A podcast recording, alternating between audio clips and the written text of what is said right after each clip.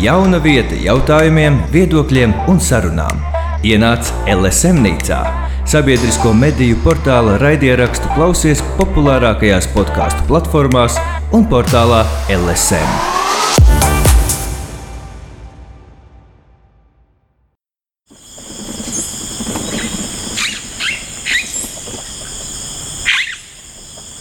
Dziesmu svētku tīklos. Dziesmu svētku tīklos. Dziesmu svētku pētniecības raidieraksta jauns cikls speciāli LSM nīcai - Raida Naba.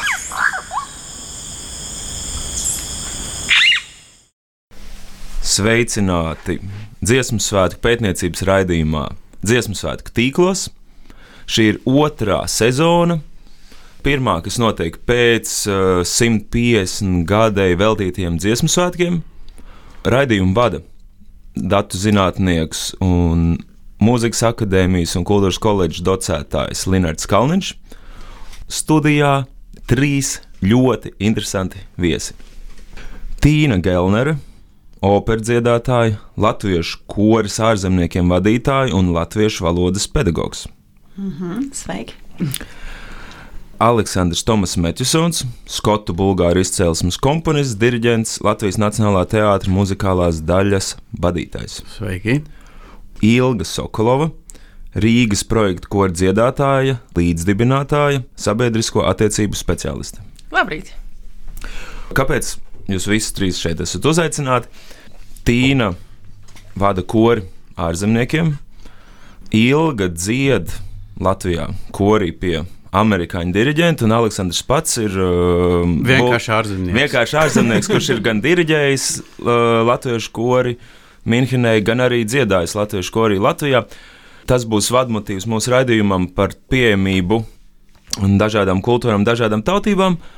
Bet pirms mēs ķeramies tam klāt, es katram no jums vēlos pajautāt, kā jūs pirmo reizi satikāties ar dziesmu svētkiem, kā jūs tikāt ievilkti dziesmu svētku tīklos. Varbūt Tīna. Um, man liekas, ka manā gadījumā tas bija skolas koris, kurā es um, līdzīgi kā projekta koris.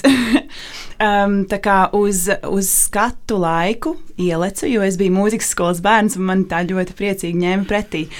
Bet, protams, ka tās uh, emocijas bija ārkārtīgi fantastiskas. Un vēlāk jau arī ir dziedāts citos koros, arī dzēnu, bet pēdējos dziesmu svētkos, kad mēs uh, vairāk piedalījāmies kā skatītāji ar manu latviešu kori ārzemniekiem. Paldies! Ilga, kādas ir tavas pirmās satikšanās? Pirmā satikšanās laikam emocionāli bija tāda iespaidīgākā, jo tā bija pirmā droši vien. Tas, ja nekļūdos, 2005. gada skolēnu dziesmu svētki. Meiteņu skolas koris tieši tāpat kā Tīnai. Man šķiet, ka tas bija tas gads, kurā radās arī um, skolēnu dziesmu svētku himna, mana dziesma, Renāta Kaupera izpildījumā. Nu, Tas bija tāds, nu, kā jau ļoti daudz, kas pirmais ļoti iespaidīgs, un, uh, un tās emocijas ir grūti atkārtojamas uh, citos nākamajos svētkos. Paldies, un Aleksandrs! No, Linēta, tu, tu ļoti labi zini, kā, bet pārējie visticamāk ne. Tad tieši mūsu uh, izcils vadītājs Linēts uh, kādreiz uh, diriģēja Minhenes latviešu kori. Un tāda laika es studēju Minhenes muzikas akadēmijā, ko es zināju par Latviju. Nu, apmēram tikai kā mums, Bulgāriem, arī līdzīgs liktenis ar mūsu krievu uh, ienaidniekiem. Un tad uh, viņš man uzaicināja, tas bija 2018. gada, man liekas, jā, kad bija skate.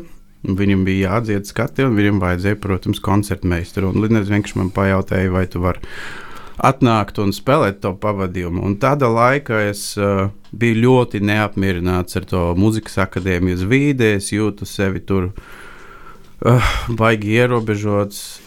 Vispār man bija arī ļoti garlaicīgi. Vienkārši. Un tad es pienācu tur tā zāle, kur man bija jāspēlē, un tur bija tie divaini cilvēki, kam vienkārši dzirkstelis nāca no acīm, ar kā, kā viņi dzied. Es domāju, wow, okay, tas uh, baigi iespaidīgi, kā arī tur ir kaut kāds džeks, kas ir taksimetru šofērs, blakus ir kaut kāds inženieris, tur kaut kāda.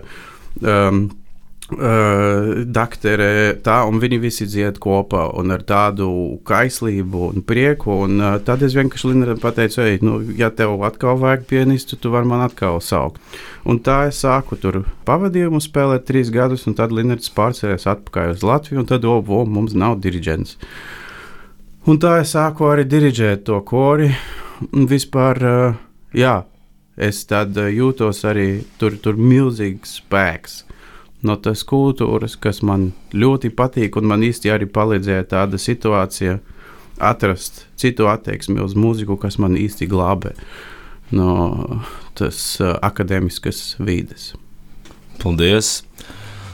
Tīna, tu vadi mm, Latviešu koru ārzemniekiem. Varbūt vari pastāstīt, kā tas izveidojās un kā jūs nokļuvāt pie, pie šīs idejas un kas tur dzied. Izveidojās patiesībā vienkārši saliekot kopā tās lietas, ar ko es nodarbojos. Jo es esmu mūziķis, es esmu dziedātājs arī es esmu Domkūras skolas absolvents un patiesībā desmit gadus dzīvojot Anglijā, kaut kādā mistiskā veidā man radās iespēja arī vadīt kori.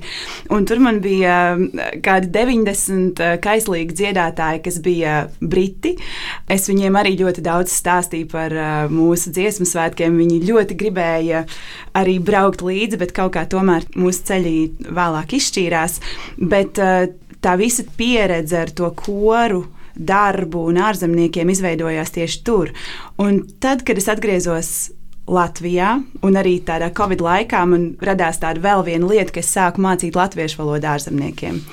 Un tad šīs divas lietas, kas bija koris un latviešu valoda, kaut kādā veidā savienojās. Un es sapratu, ka, jā, ka, ka ir iespējams izveidot ne tikai vietu, kur dziedā ārzemnieki, bet arī vietu, kur cilvēkiem ir. Uh, atbalsta plecs svešumā, jo es zināju, kā tas ir būt patiesībā kaut kur nekurienē, kur tu varbūt nepazīsti tik daudz cilvēkus.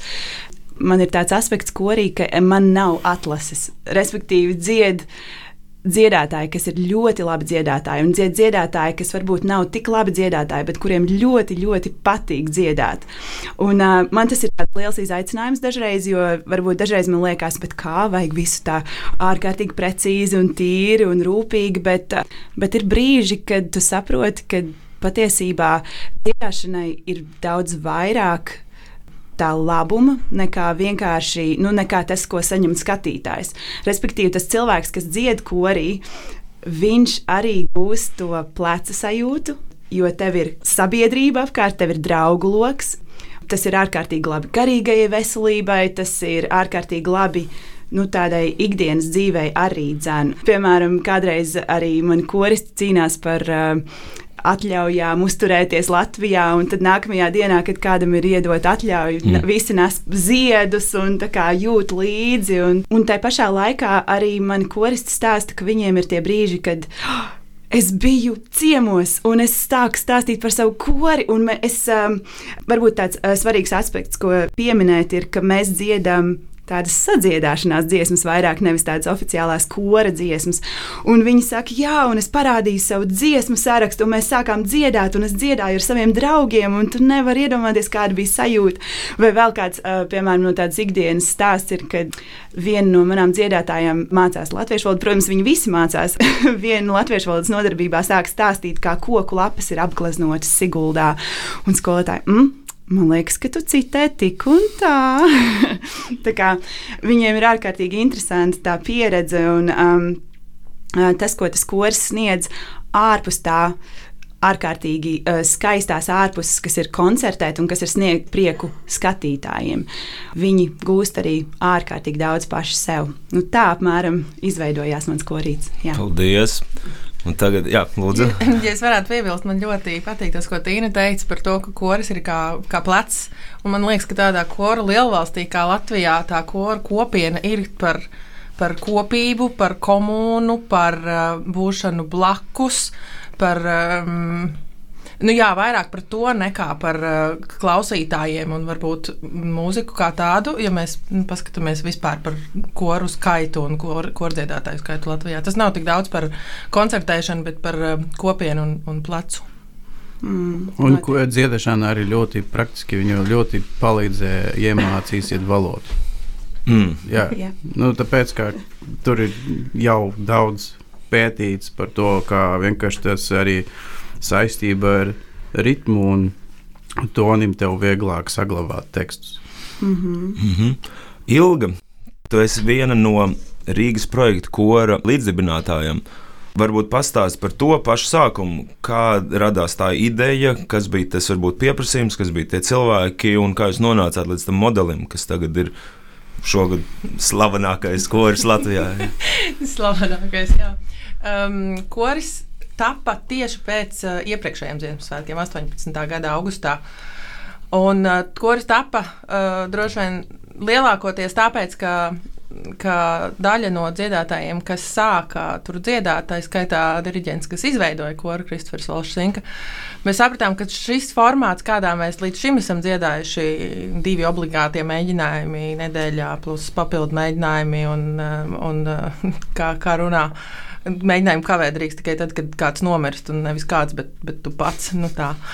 Uh, kad šis formāts nav nu, tāds, ko mēs varam pavilkt, uh, tā, tas nav formāts, kurā mēs gribam strādāt un ka mēs gribam darīt citādāk. Un tad uh, Krisam bija šī brīnišķīgā iespēja darīt citādāk, un kā darīt citādāk, respektīvi organizēt uh, darbu projektos. Nevis uh, nepārtraukti katru dienu, vai katru nedēļu, vai divreiz nedēļā, un tam līdzīgi. Um, jā, un mērķis bija nezaudēt kvalitāti, un, un misija joprojām mums visus šos gadus ir izpildīt Latvijā rēti izpildītu mūziku un darīt to bez maksas koncertos. Nekad, nekad ne, ne, nelikt maksāt klausītājiem naudu par to. Un šo mērķi mums ir izdevies noturēt. Un arī darbs mums šķiet, ka mums veicas ļoti sekmīgi un, un pat ļoti kvalitatīvi visādos uh, aspektos, tā skaitā komunikācijā, līdz, līdz, uh, līdz brīdim, kad mēs kļuvām dažādiem iemesliem dēļ par, uh, kā tas saka, slavenāko koru Latvijā. Varbūt tu vari mazliet paskaidrot, jo es esmu daudzus tādus tā mītus dzirdējis, ka jūs koris satiekās dažas dienas pirms koncerta vai pirms projekta. Varbūt mazliet paskaidrot to, to formātu tiem, kas nezina. Jā, protams. Uh, jā, kā tu teici, tas tiešām ir mīts. Mēs noteikti nestiekamies dažas dienas pirms koncertiem. Mēs, uh, mums ir uh, vidēji trīs projekti gadā. Um, katru projektu mēs mēģinām 6 līdz 7 nedēļas pirms tam kur mēs tiešām satiekamies uz to 6-7 nedēļu intensīvo mēģinājumu periodu, kur ir, kur ir tie paši divi mēģinājumi nedēļā, plus atdziedāšanas, plus uh, papildus satikšanās, ja tādas ir vajadzīgas. Bet tās ir 6-7 nedēļas uh, par katram projektam, un tāda gadā ir trīs. Un, uh, tas, šis formāts mums ļauj satikties uz ļoti efektīviem periodiem, sagatavot ļoti specifiskas koncertu programmas, kuras Kristis ir izvēlējies. Un vienlaikus jā, un ļauj nezaudēt sasaisti ar kormūziku, ko liela daļa no mums būtu zaudējusi, tad, ja mēs paliktu pie, pie standarta risinājuma, tikties regulāri visu caur gadu. Mums ir koristi, kas nebija pirms tam dziedājuši pat 20 gadus, jo to nevar savienot īsti ar īpaši augstu kvalitāti, nevar savienot ar regulāriem mēģinājumiem un ģimenes dzīvi un darbu. Tas tāds ļoti svarīgs iemesls. Mums ir vairāk tādu, kas tiešām nebija dziedājuši gadus 20 līdz, līdz radās šis koris. Un, un, ja mēs runājam par dziesmu sāktu ilg, ilgspēju, tad iespējams šāds formāts ir tas, kurš ir ilgspējīgs, ļaujot tādiem dziedātājiem, kas pirms tam ir varbūt piedalījušies piecos dziesmu svētkos pēc kārtas, atkal šai kustībā atgriezties. Paldies! Aleksandra, tev arī bija tā, tā iespēja um, Minhenes skorī nākt kā nelatviešu diriģentam, mm -hmm. vai tu sajūti kaut kādu varbūt pretestību, kaut kādu skepsi par to, kā cilvēks vadīs latviešu kori, vai, vai tas notika organiski un tā? Es baigi ne. ne. Uh, bet, uh, lai paskaidrotu, es uh,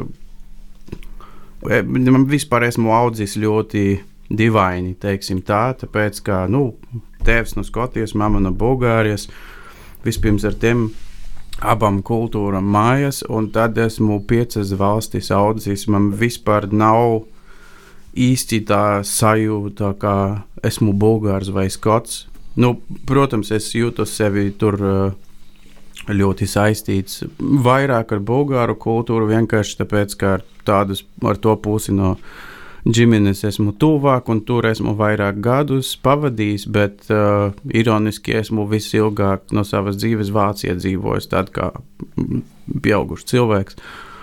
Tāpēc es jau no bērnības esmu iemācījies ļoti, ļoti ātri adaptēties jauna kultūra, un man tā arī patīk. Vai, teiksim tā, man ir svarīgi respektēt arī vietējas, vietējo kultūru, vietējas normas, vietējas viedokļus. Vienkārši kurš es esmu te nākt un latviešiem skaidrot, kā viņam jādzīvo. Vai, nu, tāpat esmu dzīvojis arī pilnīgi tādas arābu valstis, kur, protams, tur um, nav arī demokrātiska sistēma visi, uh, vispār. Un, um, to ir arī islāms. Un, piemēram, es zināju, ka ir ramadāna laiku ārā es neēdīšu neko. Nu, neviens, uh, nu, mums nebija obligāti tur neko neēst. Bet tas ir arī respekts, tas ir mm. viņa kultūra. Tā. Un tā arī bija mana attieksme, kad es pienācu pie latviešu kora. Okay, tas ir uh, latviešu tradīcija. Uh, un vispār es ļoti ātri saprotu, ka tur, uh, protams, mūzika ir svarīga lieta, bet šim cilvēkam arī ir, viņi tur satiekas, lai saglabātu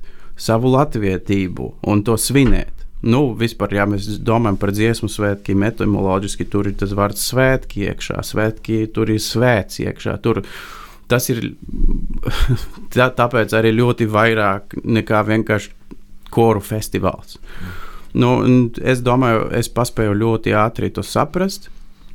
Un, uh, es mēģināju vienkārši palīdzēt ar savām prasmēm un spējām uh, šim cilvēkiem, kas nav uh, profesionāli dziedātāji, uzlabot savu dziedāšanu, ar ko viņi es, re, es redzēju, tad es sagatavoju viņus uz uh, Eslingenas dziesmu svētkiem. Uh, Un viņi ar tādu prieku nāca pēc tam pie manis. Un, Aleksandr, mēs bijām vislabāk sagatavotais koris. Visi teica, wow, jūs esat tik labi. Un viņi man, bija man tik uh, pateicīgi par to. Un, uh, protams, man bija liels prieks to dzirdēt. Uh, tāpēc es nepateiktu, ka bija pretestība. Un es domāju, tā ir vienmēr tā, ja tu ej citā kultūrā, un tas ir viņa svēta lieta, ja tu esi uzmanīgs ja tu rādi to respektu, tad problēmas, nu, es domāju, nebūs. Jā. Paldies!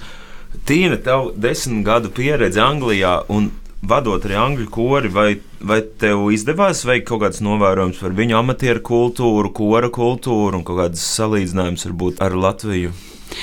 Jā, ļoti jauka lieta Latvijā ir tā, ka mums daudz jauni cilvēki grib dziedāt. Man liekas, ka Anglijā tā ir tāda arī diezgan liela sirmgalvju Tas visur, lieta. Uh, vispār Eiropā tā ir liela problēma. Jā, un man liekas, arī vispār mūzikas novērtēšana, piemēram, kaut kāda mm -hmm. operas koncerti. Ārzemēs tie parasti ir simtgalvi, kas dodas un uh, ārzemnieki Latvijā skatās. Bet šeit ir jaunieši, kas to visu grib un redzēt un piedzīvot. Tā, tā ir tā galvenā lieta. Tad otra lieta, man liekas, ir. Uh, tieši šie um, nu, standarti, kādus mēs sagaidām. Ka Latvijā tas viss liekas ļoti nu, balstīts uz to, ka visam ir jābūt perfekti bieži vien. Un savukārt uh, Anglijā tas cilvēks dzied korī tieši tāpēc, lai viņš nebūtu vientuļš, varbūt atkal savā vecumā vai kaut kas tāds, ka, tie, ka tā motivācija ir cita.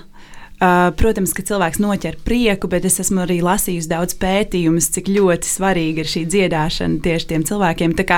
Tas aspekts atkal, bet tā ir tāda ļoti svarīga lieta, ko es mēģinu atnest šeit. Man ir tāda vēl, nu, vispār tāda vēlme, ka cilvēkam nav jābūt izcilam, un tieši tā, ka šie dziesmu svētki ir amatieru pasākums, un vai tas koncerts bija perfekts, nebija viņš perfekts, bet vai viņš bija lielisks? Viņš bija lielisks. Nu, Tāda viņš bija arī perfekts. Varam pateikt, vienkārši ir, ir, ir svarīgi skaidrot, kas ir tas mērķis. Ja tas mērķis ir tieši tā kopsajūta, tad viņš bija jā, perfekts. Nu. Jā, jā, tieši tā. Un man liekas, ka, uh, jā, ka ir svarīgi atrast. Uh, atrast tiem dziedā, kā, iedrošināt dziedātājus arī Latvijā dziedāt, arī tos, kuriem šķiet, ka viņiem varbūt ir lācis uzkāpis uz ausīm. Jo man šķiet, ka tas nav stāsts par to izcilību, bet tas ir stāsts par to kopā būšanu. Un arī tas. Um, Nu, kaut kā man liekas, ka šeit Latvijā mums dziesmu svētki ir reizi piecos gados, un, un tas ir liels pasākums. Un, uh, cilvēki, es zinu, kad iet gadu pirms dziesmu svētkiem stājas korī, um, jo, kā arī, kā arī tu teici, var, tas nav īsti iespējams tā kā pilnīgi regulāri, varbūt divreiz nedēļā ar augstiem, augstām ekspektācijām doties uh, kora virzienā. Un kad patiesībā mums pašiem tas dziesmu svētki ir tāds kaut kāds sava veida projekts, ik pa pieciem gadiem, kas notiek, vai ne? Tieši tā, es pilnīgi piekrītu. Es domāju, ka ļoti daudziem tas ir tāds projekts. Un tāpēc, eh, tāpēc tā atsevišķā izdalīšana korim, kuru sākts projekta koris, eh, nezinot, varbūt, kas tur ir eh, saknē un pamatā, varbūt nu, nav īsti korekta. Mm -hmm. Jā, un man gribās tieši tā pie tā piemetināt, pie, pie, piemetināt to, ka patiesībā jau tie dziesmu svētki ilgst piecus gadus, un mums vajag mēģināt viņus tā pastiept to piecu gadu garumā, kad arī tā ikdiena ir ārkārtīgi svarīga, un arī tās nu, domāt par to, kā, piemēram, motivēt mūsu korģiģentus arī iet cauri tiem kaut kādiem netik krāsainajiem laikiem, un arī mūsu korists, mūsu akadēmijas, mūsu fantastiskos pedagogus mūzikas skolās, jo patiesībā tā ir tā Latvijas vērtība. Anglijā tie dziedātāji, viņiem nav vispār tāda mūzikas skolas sistēma. Viņiem mūzika ir privilēģija bērniem no turīgām ģimenēm. Tāpēc, kad vidēji kaut kāda nodarbība maksā kādas 30 mārciņas, kaut kāds, kas būtu kā 35, 40 eiro, mm. un tā ir jāņem katru nedēļu, ilgstoši gadiem, un uh, katrs eksāmens maksā naudu, un tas nav tā kā valsts tik ļoti subsidēts. Līdz ar to man liekas, ka mums ir tāda ārkārtīgi liela vērtība, un ja mēs to vēl vairāk varētu novērtēt. Um, un motivēt mūsu šos pedagogus, diriģentus un mazos rūķus, kas starp tiem dziesmu svētkiem strādā un vispār to uztur, uh, šo dziedāt prieku. Tu klausies LSM Nīcu, sabiedrisko mediju portāla raidierakstu.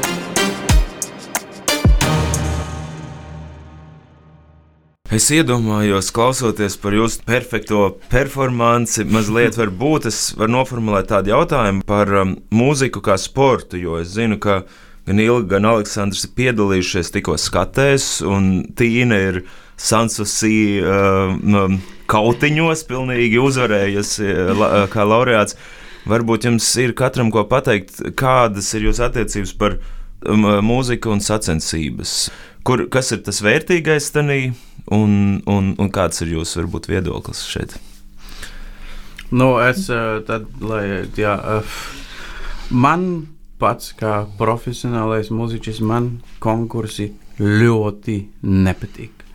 Uh, bet tāpēc, kā no manas pieredzes, tur uh, nu, tā problēma, pro, protams, ar mākslu ir, ka viņi ir ļoti subjektīvi. Protams, ir tie objektīvi, tehniski kritēriji, uh, tas ir skaidri, bet profesionāla konkursa tur ar retiem izņēmumiem visi atbild. Tas um, tehniskas prasmes. Un tad uh, bieži tā izvēle, kurš uzvarēja, ir šis, uh, kurš ir vislabāk pazīsts uh, žūrijai. Un es atceros, man bija vienkārši tur, nu, tāds ļoti slikts piedzīvojums, ka pusaudzis Bulgārija klavieru konkursu, un es sevi apsolīju vairs nepiedalīties konkursos. Es atkal pieļauju to kļūdu. Tad Vācijā es biju finālists Berlīnes operas konkursu, un es jau tiku tur pie fināla, un man jau no sākuma bija skaidrs, kurš uzvarēja.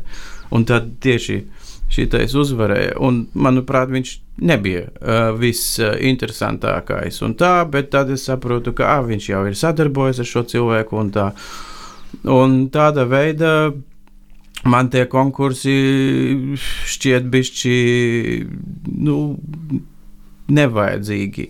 No otras puses, konkurss, ja cilvēkam tā attieksme man jau uzvarēja, tad jā, bet uh, no otras puses, tu vari tur piedalīties, un to var arī vienkārši izmantot kā skatuve, kur tu vari sev parādīt, kur cilvēki var klausīties arī tavu mūziku. Un es domāju, viss ir jautājums no attieksmes ja tu paspēsi kaut kādu tādu veselīgu, foršu attieksmi atrast, tad, nu, kāpēc ne? Bet uh, arī ir vienkārši nenormāli grūti tādu konkursu arī kā žūrijas um, loceklis, domāju, vispār nu, palikt neitrāls vai, vai nu, neiet ar cilvēku, kam, kam, kas tev ir vienkārši visimpātiskākais. Tas ir normāli. Tas arī bieži nenotiek baigi apzināti. Jā, un tāpēc es. Viena puse teica, ka mūzikas konkursi ir briesmīgi, otras puses teica, nē, kāpēc ne? Jā. Mm. Paldies! Man atkal liekas, ka šajā Sansusī kautiņu kontekstā man ļoti patika, ka es cīnījos pret mūziķiem, kas nebija mana amata pretēji. Nu, respektīvi, pirmajā kārtā man bija oboiste, otrajā bija koklētāja, trešajā bija ērģelnieks un ceturtajā čelliste. Un līdz ar to man liekas, ka šajā sansasī ir tas stāsts, ka visi dalībnieki ir ārkārtīgi labi profesionāļi. Un tas nav stāsts par to, cik labi tu spēlē savu vai dziedi, vai spēlē savu instrumentu, bet tas ir stāsts par izdomu, par attapību, par personību, par to, ka tu esi pats uz skatuves. Nu, tas ir tas, kā es to ieraudzīju. Bet atkal no tāda konkursu viedokļa arī man mazliet gribās pieķert tādu aspektu, kas varbūt arī varbūt ir, varbūt nav saistīts ar dziesmu svētkiem, bet ar Latviju un atkal ārzemēm. Anglijā ārkārtīgi skaidri un gaiši ir sistēma, kā tu tiec pie darbiņa. Piemēram, tev ir atlase izsludināta, tu piesakies, tev ir kaut kāda konkrēta kārtība. Iespējams, tur vēl aizvien ir simpātija, kaut kāds process, tas nav izslēdzams, bet tev ir skaidrs, ka, kur sūtīt savu CV, kā pieteikties. Man liekas, ka tādā ziņā Latvijas esmu sajutusi, atgriežo, atgriežoties no um, ārzemēm, ir tāda mazliet miglātīta. Oh, oh, oh, oh. Kad uh, tā skaidri saprast, kur ir tā vieta, kā, piemēram, es gribētu nodziedāt kādu kora solo, kādā, nezinu, oratorijā, teiksim, kurā virzienā man skatīties, pilnīgi nav ne mazākās jausmas. Um, šo, šī, šīs problēmas dēļ es iestājos mūzikas akadēmijā, un par laimi es satiku ārkārtīgi fantastisks mūziķis un savus pedagogus, kas, uh, kas varbūt man var vairāk kā, parādīt to virzienu, bet principā, ja tu esi izskolojies ārzemēs, ja tu esi ārzemnieks un tu vēlies muzicēt Latvijā. Tev nav daudz cerību mm. kaut kādā ziņā. nu, es nezinu, man baigas problēmas nebija. Bet esmu arī audzis tāda kultūra. Esmu jau, man ir tāda pieredze, ok, tev jāmeklē iespējas. Es domāju, teiksim, tā rietumē Eiropieši, kam ir, nu, viņam, viņi ir pieraduši pie tam, ka transparents process un viss ir tāds skaidrs, viņam ir grūti, jā, bet no, no otras puses, austrumu eiropiešiem mums ir skaidri, ah, ok, tur, tur ir tīkli, tur ir mīgla un tā, un mēs. Mēs atradīsim savu taku caur miglai. Nu. Es nākšu pie tevis skolā. Dzīves skolā. Jā, Milga varbūt, um, ja, var, var, nu, varbūt kaut kāda atdalīt to, jā, to sportisko daļu un jūsu varbūt projektu ar tieši pieredzi jā, ar, ar, ar skati. Nu, tu pat vari izvēlēties, par ko tu lab, labprātāk. Labs jautājums, jā. Dalītos. Nu, es varbūt varu mazliet pakomentēt par, par to sportisko daļu, jo man šķiet, īpaši dziesmu svētku kontekstā ir svarīgi saprast, kāds ir mērķis tai sportiskajai daļai un punktu skaitīšanai pret to, to dziesmu svētku būtību. Īpaši, es domāju, regulārajām skatēm, kas notiek katru gadu. Varbūt, uh, ka katru gadu tās skatas tiek padalīts, padarītas par tādu, un man šķiet, mākslīgi padarītas par tādu sportu. Lai gan ikgadējām dziesmu skatēm būtu jābūt nu, pavisam citam mērķim, man šķiet. Es neesmu pati lasījusi nekad, kas tieši ir precīzi uzrakstīts kā mērķis nolikumos, kas Latvijā arī varbūt nav, kā Tīna teica varbūt nav visi papīri, varbūt vienmēr kārtībā, un tev nevienmēr ir īsti skaidrs, kur iet, un tas pats ir arī ar visādiem nolikumiem.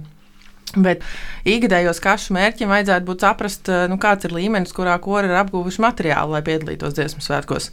Nevis izvērtēt procentu punktos ar decimālu daļām, cik, cik labi katram nu, ir veicies un kurš ir par, par 0,3 punktiem labāks par citu. Uh, nu tā, tas tāds sportiskais pret, pret mērķu orientētu domāšanu skatēs. Uh, Bet uh, tieši tā Rīgas projekta kora pieredze ir nu, arī, protams, saistīta arī ar, ar to normatīvo pusi, ko es minēju, visiem nolikumiem un, un papīriem. Saistīta ar kaut kādiem priekšstatiem, un varbūt ka, nu, ne mūsu kora, ne citu koras nevajadzētu vērtēt pēc, pēc priekšstatiem, bet pēc faktiem.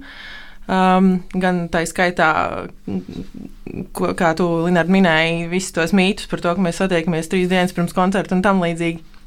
Gan tā izskaitā arī par to, kurš kurā brīdī ir pieteicies dziesmu svētkiem un tam līdzīgi. Bet eh, nu jā, viss tas uh, gadījums ar skati un, un mūsu mērķiem, ko projekta koras mērķis nekad nav bijis piedalīties skatē vai, vai koru karos, lai parādītu, ka mēs esam eh, labāki par citiem vai dažiem. Mūsu mērķis tur piedalīties vispār bija vēlme parādīt mūsu tai publikai, kas mūs nepazīst. Jo ļoti daudz mūs nepazina, lai gan mēs pastāvam jau piecus gadus, un tas ir, tā, tas ir tā tas ir un viss ir kārtībā ar to. Bet tas arī bija mērķis tur piedalīties, lai parādītu, bet, nu, redz, ka sanāca, sanāca citādāk. Un, un, nu, jau ir pagājis, nu, cik pusgads jau kāds, bet es domāju, ka lielai daļai no mums joprojām ir rūkums par to, kā tas viss izgāja. Īpaši par, par, par cilvēkiem, kas grib uzurpēt svētkus, varbūt, un, un teikt, ka viņi pārstāvtu visu šo kustību, lai gan tas ir tāds svētums, kā Aleksandrs teica, ko nevajadzētu varbūt tā aizskart. Mm -hmm. Paldies! Labi, nu tad uh, skati, ko ir nodibināts, skatis ir tagad izdziedāts, ķeramies pie pašiem svētkiem. Varbūt uh, jautājums tagad katram no jums padomāt, kas bija pašos svētku nedēļā, jau, jau tad, kad notika koncerti, kaut kāds spilgtākā pieredze, varbūt pasākumi, kurus jūs paši apmeklējāt un kas jums palika ļoti labi atmiņā, un varbūt kaut kas iekrīt acīs, ar ko noteikti gribās padalīties. Es varbūt varu sākt. Es, ne, es, nezinu, es nezinu, vai es precīzi to noformulēšu, bet interesanti, ka man spilgtākā pieredze svētku laikā bija nesaistīta ar dziedāšanu vai dejošanu, bet ar, ar vēl vienu daļu no, to, no tā, kas ir dziesmu svētki, ar lietušķo mākslu un izstādi, kas bija sporta kvartālā. Man liekas, ka tas ir tāds. Uh, es negribu teikt papildinājums dziesmu dēļu svētkiem, bet tā, man liekas, ir lieliska daļa no tā, kas ir tā tautas kultūra, kas tiek nesta līdzi ar, ar, līdz ar dziesmu svētkiem un dēļu svētkiem arī dzen tā izstāde man šeit parādīja ne tikai eh, dažādību un, un, un taciņu no vēstures līdz mūsdienām, kā ir attīstījušies gan, gan, gan metodas, gan tautas tērpu veidi dažādos novados, bet vienlaikus arī to, ka joprojām to var darīt. Ir, ir ļoti daudz lietušķās mākslas studiju, un es, es pati atsāku izšūt, ko es nebiju darījusi kopš pamatskolas, man šķiet. Jā, ka, to, ka kaut kādu to latviešu tradīciju var turpināt arī e, ne tikai dziedot vai dejojot caur svētkiem un ikdienā, bet, e, bet darot kaut kādas pilnīgi nesaistītas lietas ar to. Tā skaitā izšūt, e, veidot mālu podus un tam līdzīgi. Tā man bija tāda ļoti spilgta pieredze, ka viss no dažādiem novadiem bija salikts vienu vietu, un, un tas bija ļoti iespaidīgi. Paldies! Es varu pateikt, ka man vienkārši. Uh, Tā ir varbūt ļoti personīga lieta, bet uh, man vienkārši vienmēr bija tendence nu, baidīties no lielām masām, no cilvēkiem. Vienmēr man nu, bieži pienāca vienkārši bailes, un tad es uh, dziedāju pirmā koncerta dziesmu svētkos, un es vispār to nepamanīju līdz pēc tam, kā tur es jūtu sevi ļoti dabiski un vispār vieta. Un, uh, nu, nejūt, es nejūtu sevi tur nekāda brīdī, ka man ir kaut ko jārada, vai kaut kā, kurš tur no manis kaut ko īpašu sagaida. Mēs vienkārši tur kopā piedalīsimies, un tas bija brīnišķīga atmosfēra. To varu tikai pateikt. Un man tas palika kā viss tāds spēcīgais iespējas. Jā. Man ārkārtīgi patika dziesmu svētku restorāns. Oh, jā! es domāju, ka ēdu reņģīšu fish and chips, kas bija ārkārtīgi ekskluzīvi gards. Uh, un uh, tas bija Esplanādē. Esplanādē, jā. Pie muzeja, vai ne? Pie muzeja. Jā, jā, jā, pie mākslas muzeja. Jā, tur bija tā kā, nu, tā kā manuprāt, Rīgas labākie restorāni izveidojuši tādu, tā kā, tādu ātrā ēdienu piedāvājumu. Um, un patiesībā varbūt es varu tā uh, arī piebilst, ka žēl, ka tas pats nenotika pašos dziesmu svētkos. Patiesībā pašā noslēguma koncertā arī bija tāda negatīva pieredze, ka tiklīdz tu mēģini izstaipīt kājas un varbūt atrast kaut ko, ko padzerties pa vidu, tu nedzirdi vairs dziesmu svētku koncertu. Es nezinu, vai jūs to ievērojāt. Tur nebija nevienas pašas stumbiņas. Tas bija tāds liels pārsteigums patiesībā, ka nevarēja baudīt kādu gardumu un, un vēl klausīties to, kas notiek uz skatuves. Bet, nu jā, tas, tas gardums bija, bet man šķiet, ka maniem koristiem ārkārtīgi iepatikušies ir danči un visi mūsu rikši un īļi un visas šīs, es neatceros, kas precīzi spēlē. Man šķiet, ka gan jau visi bija, no esplanādē tieši bija visādi pasākumi. Bija arī ārkārtīgi skaists Rīgas doma koris skolas mūzikls putvēņi. Tā kā es mēģināju ļoti informēt savus koris turistus par to, kas notiek, un viņi visur gāja un skatījās. Un patiesībā, nu, pir, pirms es devos šeit, es arī apvaicājos viņiem, kas būtu tās galvenās lietiņas, ko viņi vēlētos, lai es pasaku. Un uh, viņi arī mēģināja teikt, ka patiesībā mm, tīri šis saraksts par to, kas notiek un kādi ir koncerti un kādi ir pasākumi, nebija ārkārtīgi labi pārtulkots angliski. Kaut kas ļoti nu, minimāls, bet uh, nebija ļoti pārskatām, ja tu tiešām nerunā šajā valodā. Un viņi ļoti gribēja piedalīties, bet, bet to saprast varēja tikai īsti ar manu palīdzību, tā pavisam. Bet nu, mani koristiņi bija arī noslēguma koncertā, un tie, kas nebija tur, tad bija ģenerāla mēģinājumā, un kas nebija tur, bija arī tajā uh, otrā skaistajā koru uh, koncertā. Un uh, dziedāja līdzi putekļus, un priecājās par to, ka viņi varēja būt daļa no tā. Tā kā ārkārtīgi aizrautīgi. Un uh, vēl viena laikam lietiņa no tādām, nu, ja jau es par to sāku runāt, bija uh, tīri par to tikšanu. Man kā kaut kas teica, ka nu, ir šīs mūsu omīdas un vectētiņi, kas vēlējās, kas bija kara bēgļi savulaik un vēlējās atkal atgriezties Latvijā. Un tīri fiziski tur bija milzīgās trepas, pa kurām tu kā vecs cilvēks varbūt īsti nevar uzkāpt un nokļūt šajā dziesmu svētku pasākumā. Mm, tā kā tāda maza lietiņa par šo pieejamību tieši no ārzemnieku viedokļa. mm, interesanti. Jā. Tur arī mani, mani vecāki bija tieši ciem, ciemos dziesmu svētku laikā. Viņam tas bija pirmo reizi Latvijā. Viņam arī nu, ļoti patīk, ka vispār es biju. Es, viņi bija pie ģenerāla mēģinājuma, tīruma, un es domāju, ka varbūt viņam būs pa garu. Nē, viņi to visu skatījās nākamā diena televīzijā, viņi vēl koncertu skatījās un noslēguma koncertu, un vispār viņam ļoti patika. Bet, jā, priekš turistiem, es domāju, tieši tāda, nu, kā ir. Um, Tūkojumi būtu labi, tāpēc ka viņi vienkārši arī gribēja vairāk tur ko saprast. Un, protams, uh, viņam bija grūti. Jā, man, eh, tieši tā man korists stāstīja, ka fantastiska lieta, bet ja es viņiem nebūtu pateikusi, viņi nezinātu, un viņi nebūtu ieradušies. Jo arī kaut vai kāda tā situācija bija ar biļetēm, es tiešām teicu, tā, še, šo izpirks ātrāk nekā jebkura Coldplay koncertu vai 50 cents. Nu, tam bija atgāja. bet, uh, bet jā, nu atkal arī tāds uh, skats no ārzemnieku viedokļa, korists bija sajūsmā par to, ka kaut ko tik nacionālu un vietēju pērk tik ārkārtīgi mežonīgi, ātri un pieprasīti, ka nu, tā, ne, viņi neko tādu nevar iedomāties savā dzimtajās valstīs. Un ka nu, vispār tā milzīgā abrīna, kas viņiem ir par šiem svētkiem, un, un kāpēc, kāpēc par to nezini? Viņi teica, tas taču varētu būt turisma pievilkšanas tur, kā, lieta, un viss, kas, kāpēc tas ir tik ļoti tāds, tāds milzīgs zelta, fantastisks, bet noslēpums no visas pārējās pasaules. Kāpēc? Nu, labi, lietuvieši un igauni viņi par to jau zina. Tie ir jā. Tie ir uzzinājuši. Viņi arī paši to dara. Jā. Varbūt es pajautāšu, Aleksandra, tev kā komponistam, tie, šie ir tev pirmie dziesmu svētki. Tīri no mūzikas bija gan klasiski darbi, gan jauni darbi. Tieši par koru lielkoncertiem, ko tu arī pats dziedāji. Varbūt tev kaut kādas domas, kaut kas, kas iekrits prātā. Jā, uh, vispirms, vienkārši, manuprāt, uh, tīri dramaturgiski, dramaturgiski abi koncerti bija šausmīgi pagari. Nu, vienkārši divas pusstundas pietiek. Tie, tieši tu vari to arī jūties pie dziedātājiem. Protams, visi to dzied, visi mums patīk. Es arī ne, nu, neietu mājās, es neesmu gājis mājās, protams. Bet tik un tā, es domāju, divas pusstundas ir ideāls laiks. Un, un, un tur, piemēram, pie, pie abiem koncertiem, es domāju, bija trīs vai četras dziesmas pa daudz. Un, un nekas nepietrūkstu, ja viņi tur nebūtu.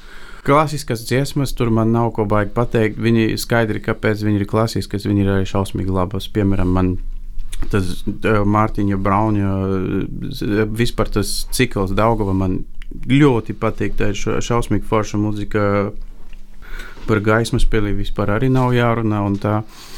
Par tiem jaundarbiem nu, bija dažādi veiksmīgi un daži, dažādi nav tik veiksmīgi, protams. Manuprāt, ir viena problēma, ko es tagad uh, caur savai pieredzēji Latvijā redzu, un tā ir tāda tendence idealizēt komponistus vai diriģentus. Un no vienas puses uh, tas uh, nu, piemēram, tas konkrētais piemēram, piemērs Zigmāra Liepiņa dziesma tīrums. Zigmaram Liepiņam visu cienu. Viņš ir uh, foršs komponists, mēs to visi zinām. Lāčplēsis uh, ir ne tikai izcila mūzika, bet, protams, viņa ir svarīga uh, nozīme latviešu kultūra, par to nekādas šaubas, bet viņiem tā dziesma noteikti nebija. Kā var to pieklājīgi pateikt, ne no viņiem nai, visveiksmīgākiem uh, darbiem, uh, bet uh, Tur bija bijis tā sajūta, nu, jā, bet tas ir Zigmārs Liepiņš. Un es domāju, ir svarīgi ka saprast, ka Zigmārs Liepiņš un Reimons Pauls un tā viņi ir arī cilvēki. Noteikti arī Beethovens, viņam nav katra kompozīcija tik ģeniāla kā Devita simfonija. Viņam ir arī daudz švakas kompozīcijas, un es domāju, tur um, vajadzētu būt bišķi Es nezinu, vai stingrāk ir tas vārds, bet es domāju, lai ja tie cilvēki nav tik idealizēti, arī šī situācija varētu būt izvairīta. No otras puses, tāpēc, ka man ir, es arī ļoti gribētu kaut kādu ko komponēt dziesmu svētkos. Oh, tas ārzemnieks. Uh, bet uh, tur arī ir baiga migla. Kā vispār uh, notiek tā izvēle, kurš tur komponē? Un, manuprāt, tur arī ne tikai Zigmārs Liepiņš, tur bija arī Lolita Ritmanes uh, konfekti. Uh, kas eh, no pilnīgi eh, tehniskām lietām viss tur bija kārtība, bet viņa bija, manuprāt, vienkārši pēc formulas komponēta. Tas bija tik šausmīgi garlaicīga. Dziesma, tas nu, man konfektes ļoti garšo, bet es, ja es uzreiz vienu milzīgu čūpiņu konfekti apēdu, man ir apmēram pohas pēc tam no nu, cukura. Un tā apmēram bija mana sajūta pēc augšup dzīvības. Ok, basta! Oh! Un, uh, No, nu, piemēram, arī viņi tur pieļauj kļūdas ar valodu, tur ar uzsvaru un tā. Un tad skaidri viņi ir Amerikā auguši un tā.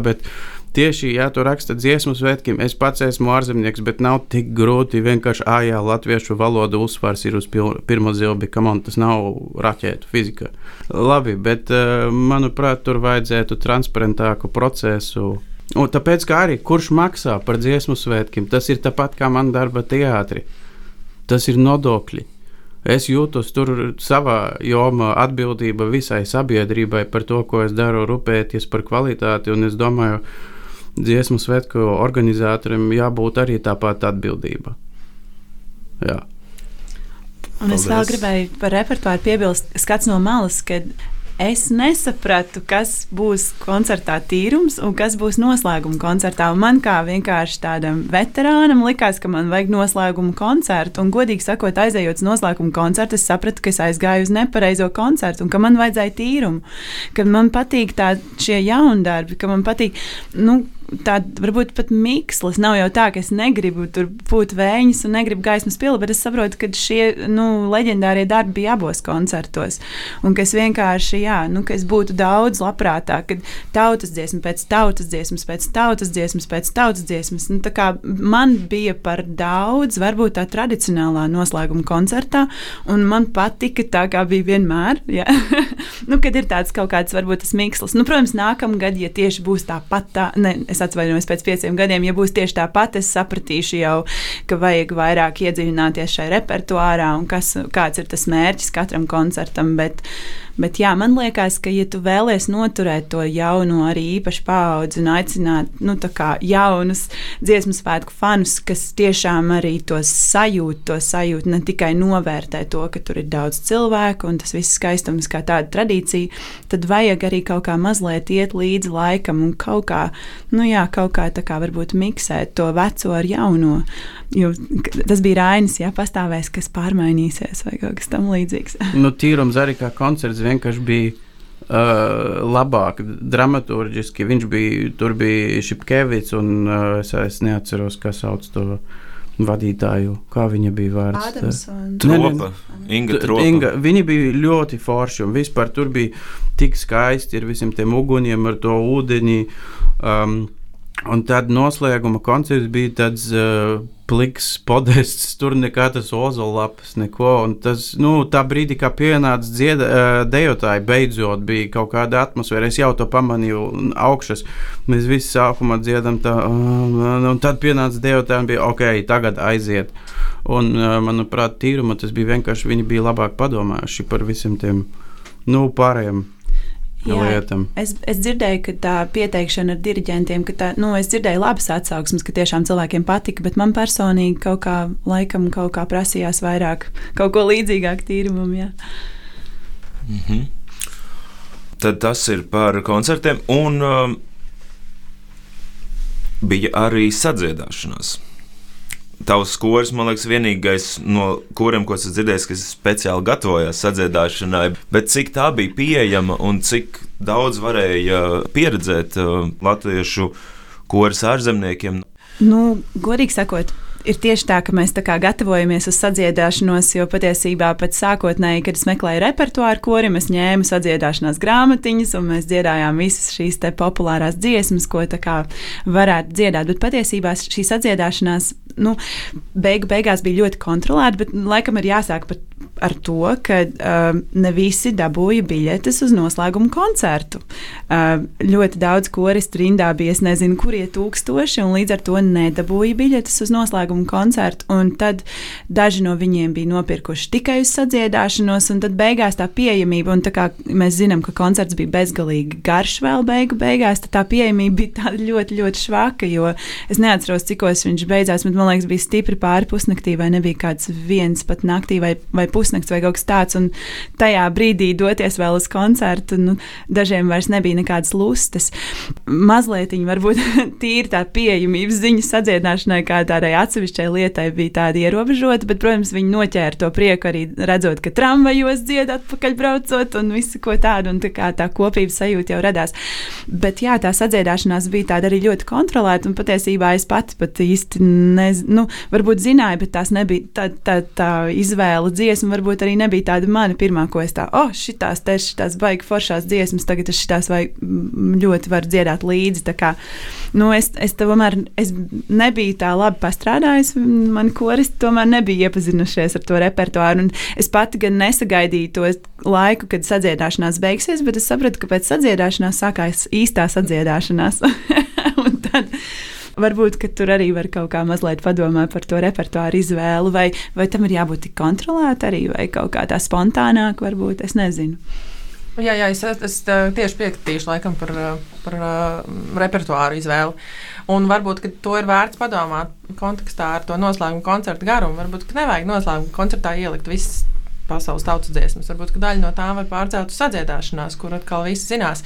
Šogad sadziedāšanai bija ļoti nu, citādāks repertuārs izvēlēts. Es, mm, Es ļoti daudzus no tiem skaņdarbiem nezināju, un tāpēc man būtu grūti formulēt to kā sadziedāšanos, ja es nezinu skaņdarbus, kas man jādzied. Nu, tā. Tas noteikti bija interesanti ļoti subjektīvi sakot, man nelikās, ka tas varbūt ir īstais formāts. Varbūt tiešām būtu vērts padomāt, ka noslēguma koncerts varētu būt īsāk, un tās dziesmas, ko visi grib dziedāt, tad varētu kopīgi dziedāt sadziedāšanās naktī. Repertuārs, kas visiem ir pazīstams. Varbūt komentārs no manis. Es eh, par sadziedāšanos es esmu redzējis, ka 13. gadā bija tā leģendārā grāmatiņa, kur bija ļoti populārs dziesmas. Man liekas, Ja es pareizi sapratu, varbūt es samalošos, ka Juris Vaivats veido tās programmas, un tad 18. bija tādas dziesmas, kas nebija iepriekšējā grāmatiņā. Un šī bija pilnīgi ratas, interesantas tautas dziesmas. Tā kā ja tu iemācies to pirmo 13. gada grāmatiņu, 18. gada grāmatiņu, un vēl tagad šitā, tās ir varbūt, varbūt eh, drīz nāks atkal tās pavisam populārās vai Man personīgi bija ļoti interesanti dzirdēt, pieredzēt tādas audzēsmas, ko es pirmo reizi vispār dzirdēju. Bet man liekas, tam varēja būt atsevišķs koncerts. koncerts jā. jā. Nu, par to tēmu ar tiem tautas dziesmām un tā, nu, es šobrīd nodarbojos uh, sakartot nošu arhīvu Nacionāla teātri. Un tur ir ļoti vērtīgas lietas. Um, Jāzep Vitola rokraksti, vispār dažādas kora dziesmas, kas noteikti nav skanējuši kopš brīvvalsts laika, un viņi vienkārši sēža kaut kādā smirdīgā stūrī tur teātrī, un es vispār biju šokā, ka neviens pirms tam to jau izdarījis, un es ļoti ceru, ka paspēsim arī to digitalizēt, bet vispār varētu būt interesanti arī tādu, kā tu teici, retāk skanējušu muziku arī kaut kur uh, Viņai atrast vietu dziesmu svētkos, vai kordu dziesmas, vai tautu dziesmas. Vai, nu, tā, mm. Jā. Tu klausies LSM Nīcu, sabiedrisko mediju portāla raidierakstu.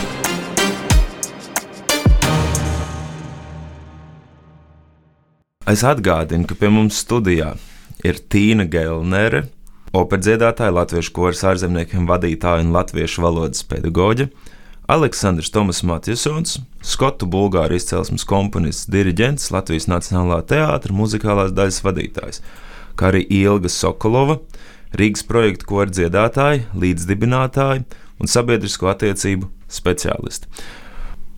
Mūsu laiks raidījumam lēnām jau iet uz beigām, bet varbūt jums ir kāds novēlējums um, nākamo dziesmu svētku dalībniekiem, organizatoriem, pašiem sev, un varbūt kāda doma, ko jūs noteikti gribējāt pateikt, un ko es jums nepajautāju?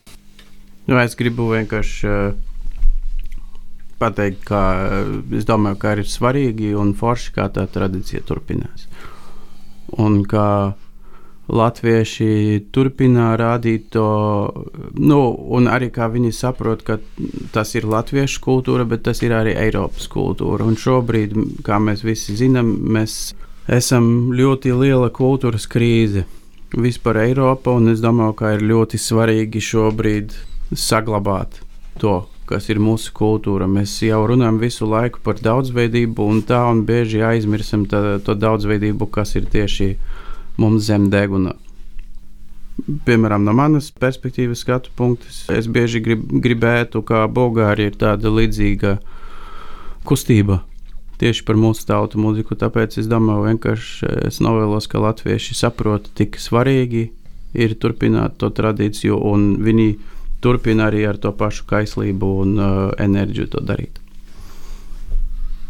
Paldies! Es varētu novēlēt nākamajiem rīkotājiem varbūt vairāk iekļaut. Iekļaut citādus formātus, kā projekta kori, piemēram, iekļaut ārzemniekus vairāk, kas paši to grib, iekļaut mūsu pašu vietējās mazākumtautības vairāk, iekļaut diriģentus, varbūt noslēguma koncertā biežāk dažādus, kas nevienmēr notika šogad, iekļaut um, vairāk informācijas turistiem un viesiem, kas arī šodien izskanēja, iekļaut uh, diskusijām, um, iekļaut diskusijas vairāk um, un mazāk konfliktus. Um, jā, tieši tāpat iekļaut arī cilvēkus, kuriem ir uh, varbūt kustību traucējumi un tam līdzīgi, par kuriem arī šogad, uh, kuri arī šogad nebija līdz galam apmierināti. Jā, es teiktu, ka atslēgas vārds varētu būt iekļaut. Paldies! Um, jā, es novēlu svētkiem turpināties pēc iespējas ilgāk, un uh, man šķiet, ka svarīgi tieši atcerēties par to svētku periodu starp svētkiem.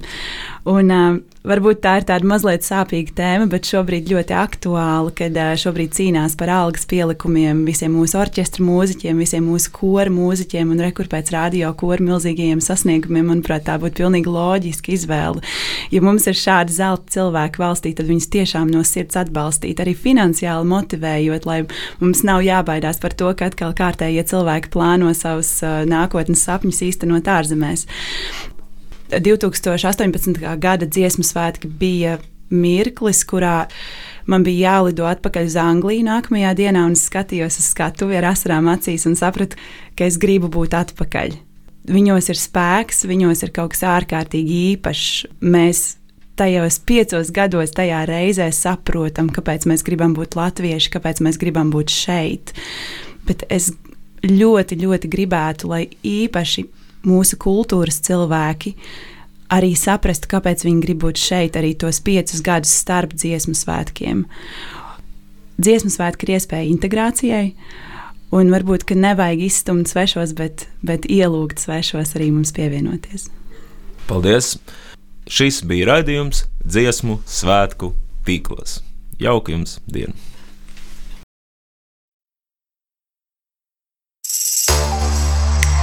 Jauna vieta jautājumiem, viedokļiem un sarunām. Ienāc LSM nīcā, sabiedrisko mediju portāla raidierakstu klausies populārākajās podkāstu platformās un portālā LSM.